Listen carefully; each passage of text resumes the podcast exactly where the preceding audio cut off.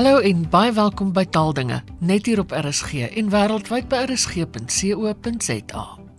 Vandag beantwoord ons weer taalnavrae wat luisteraars ingestuur het. Ouder gewoonte is my gaste die senior mede-redakteur van die Woordeboek van die Afrikaanse taal, Alet Kloete, en die mede-redakteur Gerda Odendaal. Alet, ons begin by jou. Pieter Bosman van Richmond in Johannesburg doen navraag oor die herkoms van die woord kleinoot. Hy kry niks in standaard Afrikaanse etimologie woordeboeke nie en in 'n Nederlandse etimologie woordeboek deur De Vries wat hy in die vroeë 60er jare aangeskaf het, lees hy dat die oot van kleinoot 'n verband hou met die oet van armoed of armoede, maar die verband is nie vir hom duidelik nie en hy wil graag die span se mening hoor. Nou om die etimologie van kleinoot te verstaan, dink ek 'n mens moet iets sê oor die morfologie of die vorm van die woord.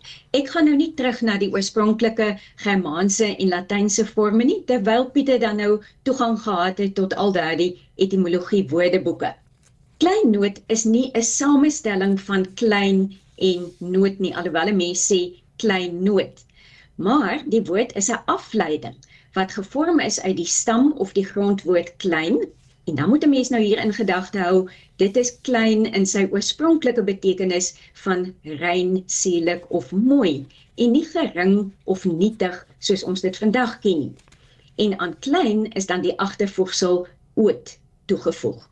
In Oud-Germaans is hierdie agtervoegsel oot gebruik om abstrakte selfstandige naamwoorde te vorm. Om daardie rede is 'n klein noot dan figuurlik gesproke iets wat baie waarde het. Daar bestaan ook variante van hierdie agtervoegsel oot wat dan dieselfde funksie het, naamlik om abstrakte selfstandige naamwoorde te vorm.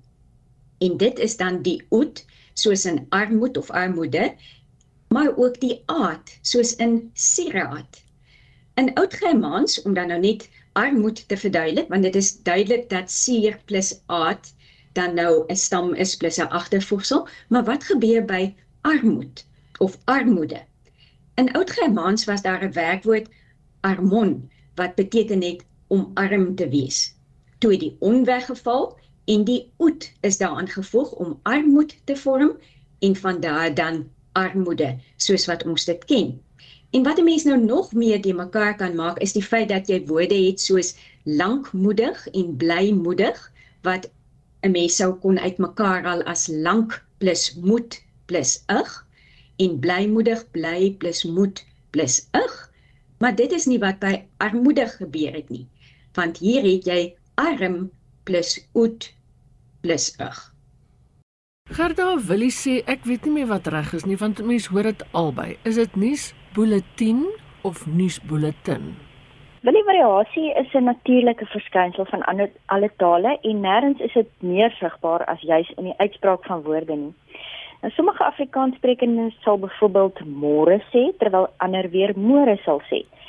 By die WT het ons van deel 9 tot deel 14 uitspraak van woorde aangedui, maar weens die groot variasie wat dikwels by uitspraak voorkom, het dit net 'n onbegonne taak geword om die uitspraak by elke woord aan te dui. En daarom dui ons vandag soos baie ander Afrikaanse woordeboeke slegs die klem van 'n woord aan. 'n Woord soos museumkundige het byvoorbeeld nie minder nie as 14 moontlike maniere waarop dit uitgespreek kan word. Maar om terug te kom na jou vraag, um, volgens die uitspraak woordeboek is die uitspraak misbultin. Nou ons hoor daardie 'n uh, klink 'n bietjie anders as wat ons hom vandag uitspreek. En dan interessant genoeg ook misbultin 10. So die een bulletin en dan een bulletin. Nou dit bring my by 'n verdere aspek van taal wat uitspraak beïnvloed, naamlik die feit dat taal dinamies is en voortdurend verander. Dit is belangrik om daarop te let dat die uitspraakwoordeboek vir die eerste keer in 1945 uitgegee is en benewens verskeie herdrukke is dit nog nie hersien. Nou Afrikaans het natuurlik oor die afgelope 78 jaar aansienlik verander, veral dan nou wat uitspraak betref. Die 6ste uitgawe van die Hart dui die uitspraak aan as nuusbulletin. So dan nou een van die opsies uh, wat vir ons gegee is deur Willie. Um, en dis redelik naby aan die 1945 uitspraak. Maar uitspraak word natuurlik ook deur eksterne faktore soos taalkontak beïnvloed. En vanweë Afrikaanse noue kontak met Engels elke dag, hoor 'n mens dan al hoe meer ook die uitspraak nuusbulletin. om dan nou saam te vat, ons is nie regtig so verskriftelik as dit kom by uitspraak nie, want uitspraak is veranderlik. Dit word grootliks beïnvloed deur aspekte soos waar 'n persoon vandaan kom en hoe oud hy of sy is. So wat die spelling betref, is ons 'n bietjie meer voorskrifklik en daar word slegs die spelling met die e met die u aanvaar met ander woorde B U L L E T I N en dit sien ons in Afrikaanse woordelys en spelreëls ook en ons die vorm met die o word nie regtig meer aanvaar nie alhoewel mense dit nog in sommige woordeboeke aantref met ander woorde B O E L E T I E N Nou, ehm um, Magriet vra dat die span asseblief praat oor die verskil tussen gebruiker en verbruiker en sommer 'n maklike manier gee hoe mense dit kan onthou. Alet, kan jy help? Ek gaan my bes hier doen. As 'n mens kyk na die vertaal-ekwivalente van gebruiker en verbruiker, dan sien 'n mens dat jy in Engels vir 'n gebruiker meestal user sê, terwyl 'n verbruiker aan die ander kant 'n consumer is.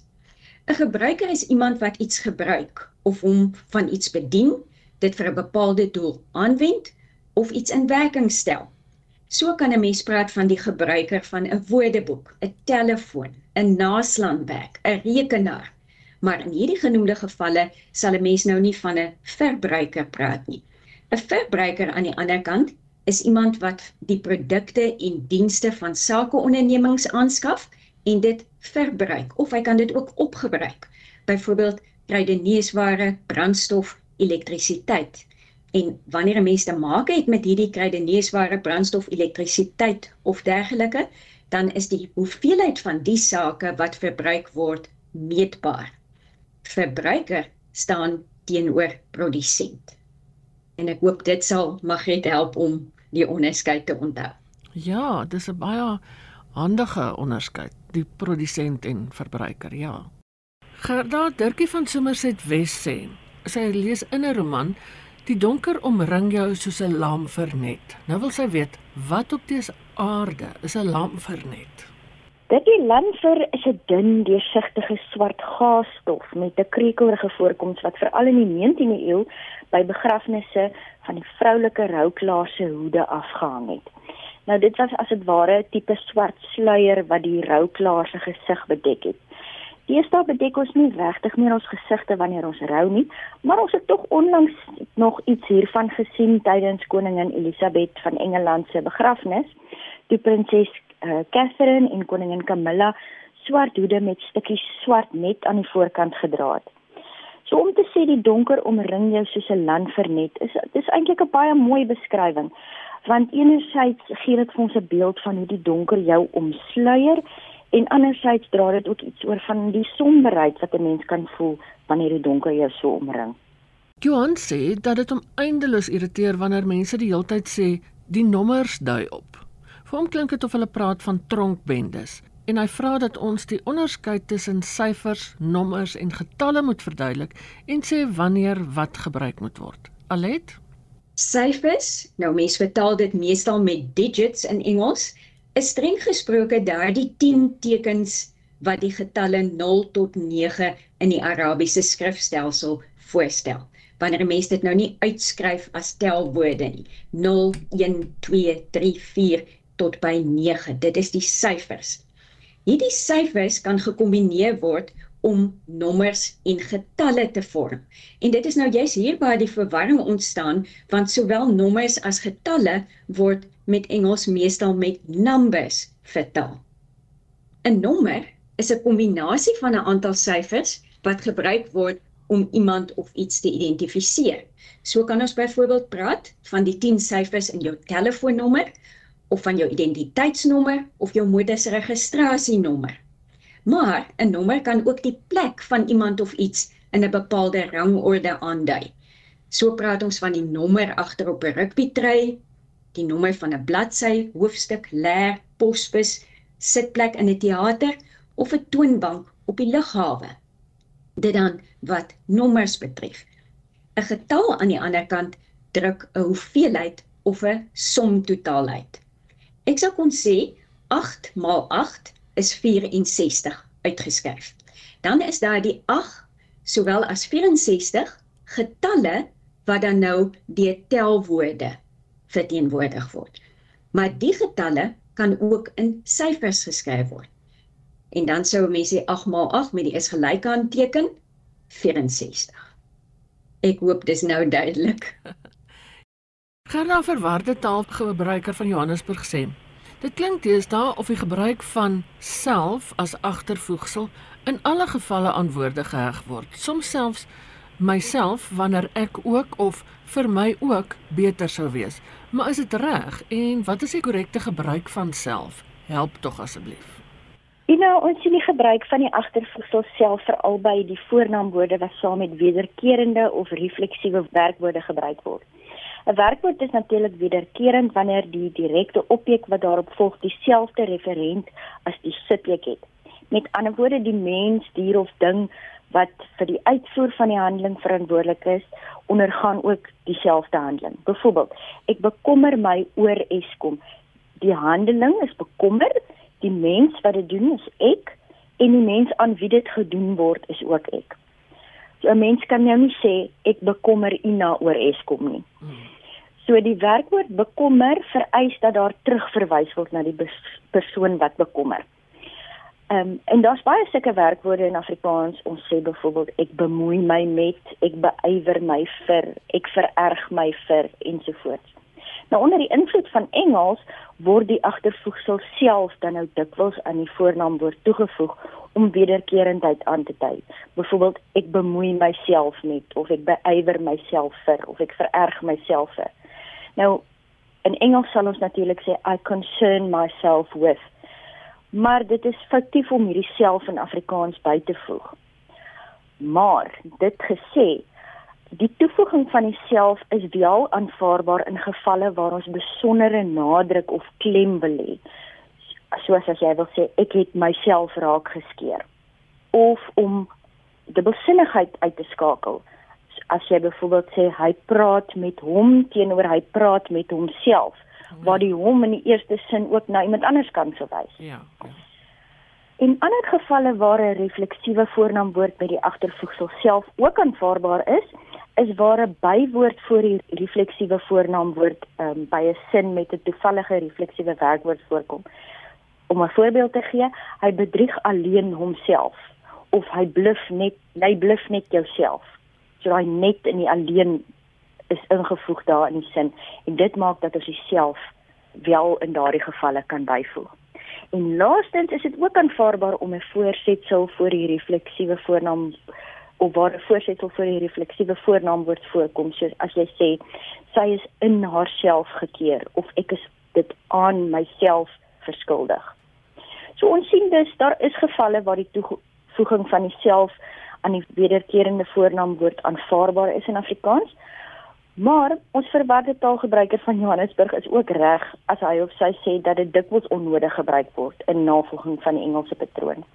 Nou wat die uh, luisteraar se voorbeelde van die gebruik van myself in die plek van ek ook of vir my ook betref, het ons ook hier te doen met Engelse invloed. In Afrikaans sal ons soms ter beklemtoning sê ek dink self dat dit 'n goeie idee is, maar in Engels sal dit lei I myself think that it is a bad idea. So hier is nou weer 'n geval waar die my eintlik bygevoeg is aan die self en dis eintlik onnodig in Afrikaans in daardie gevalle want jy volg dan nou weer die Engelse patroon. Ehm um, Alet Wanda sê dankie vir die program en noem dat hoewel kinders nie meer pak sla mag kry nie, daar nietemin uitdrukkings is wat daarna verwys, onder andere streepsuiker en riemspring en sy wil weet waar die uitdrukkings vandaan kom. Pak slag gee is nogal 'n kondensieuse saak en ek gaan my nou nie oor die meriete daarvan uitspreek nie want ek dink ek kan vir my baie kritiek hier op die haas haal. In in September 2019 het die konstitusionele hof beslis dat lyfstraf in private huishoudings onwettig is. Ek weet nie in watter mate hierdie wet toegepas word nie, maar goed, in skole is dit reeds in 1996 verbied. En nou sal dit baie interessant wees om te hoor in watter mate die genoemde uitdrukkings nog bekend is. Die uitdrukkings waarvan ons hier praat is streepsuiker kry en laat riemspring.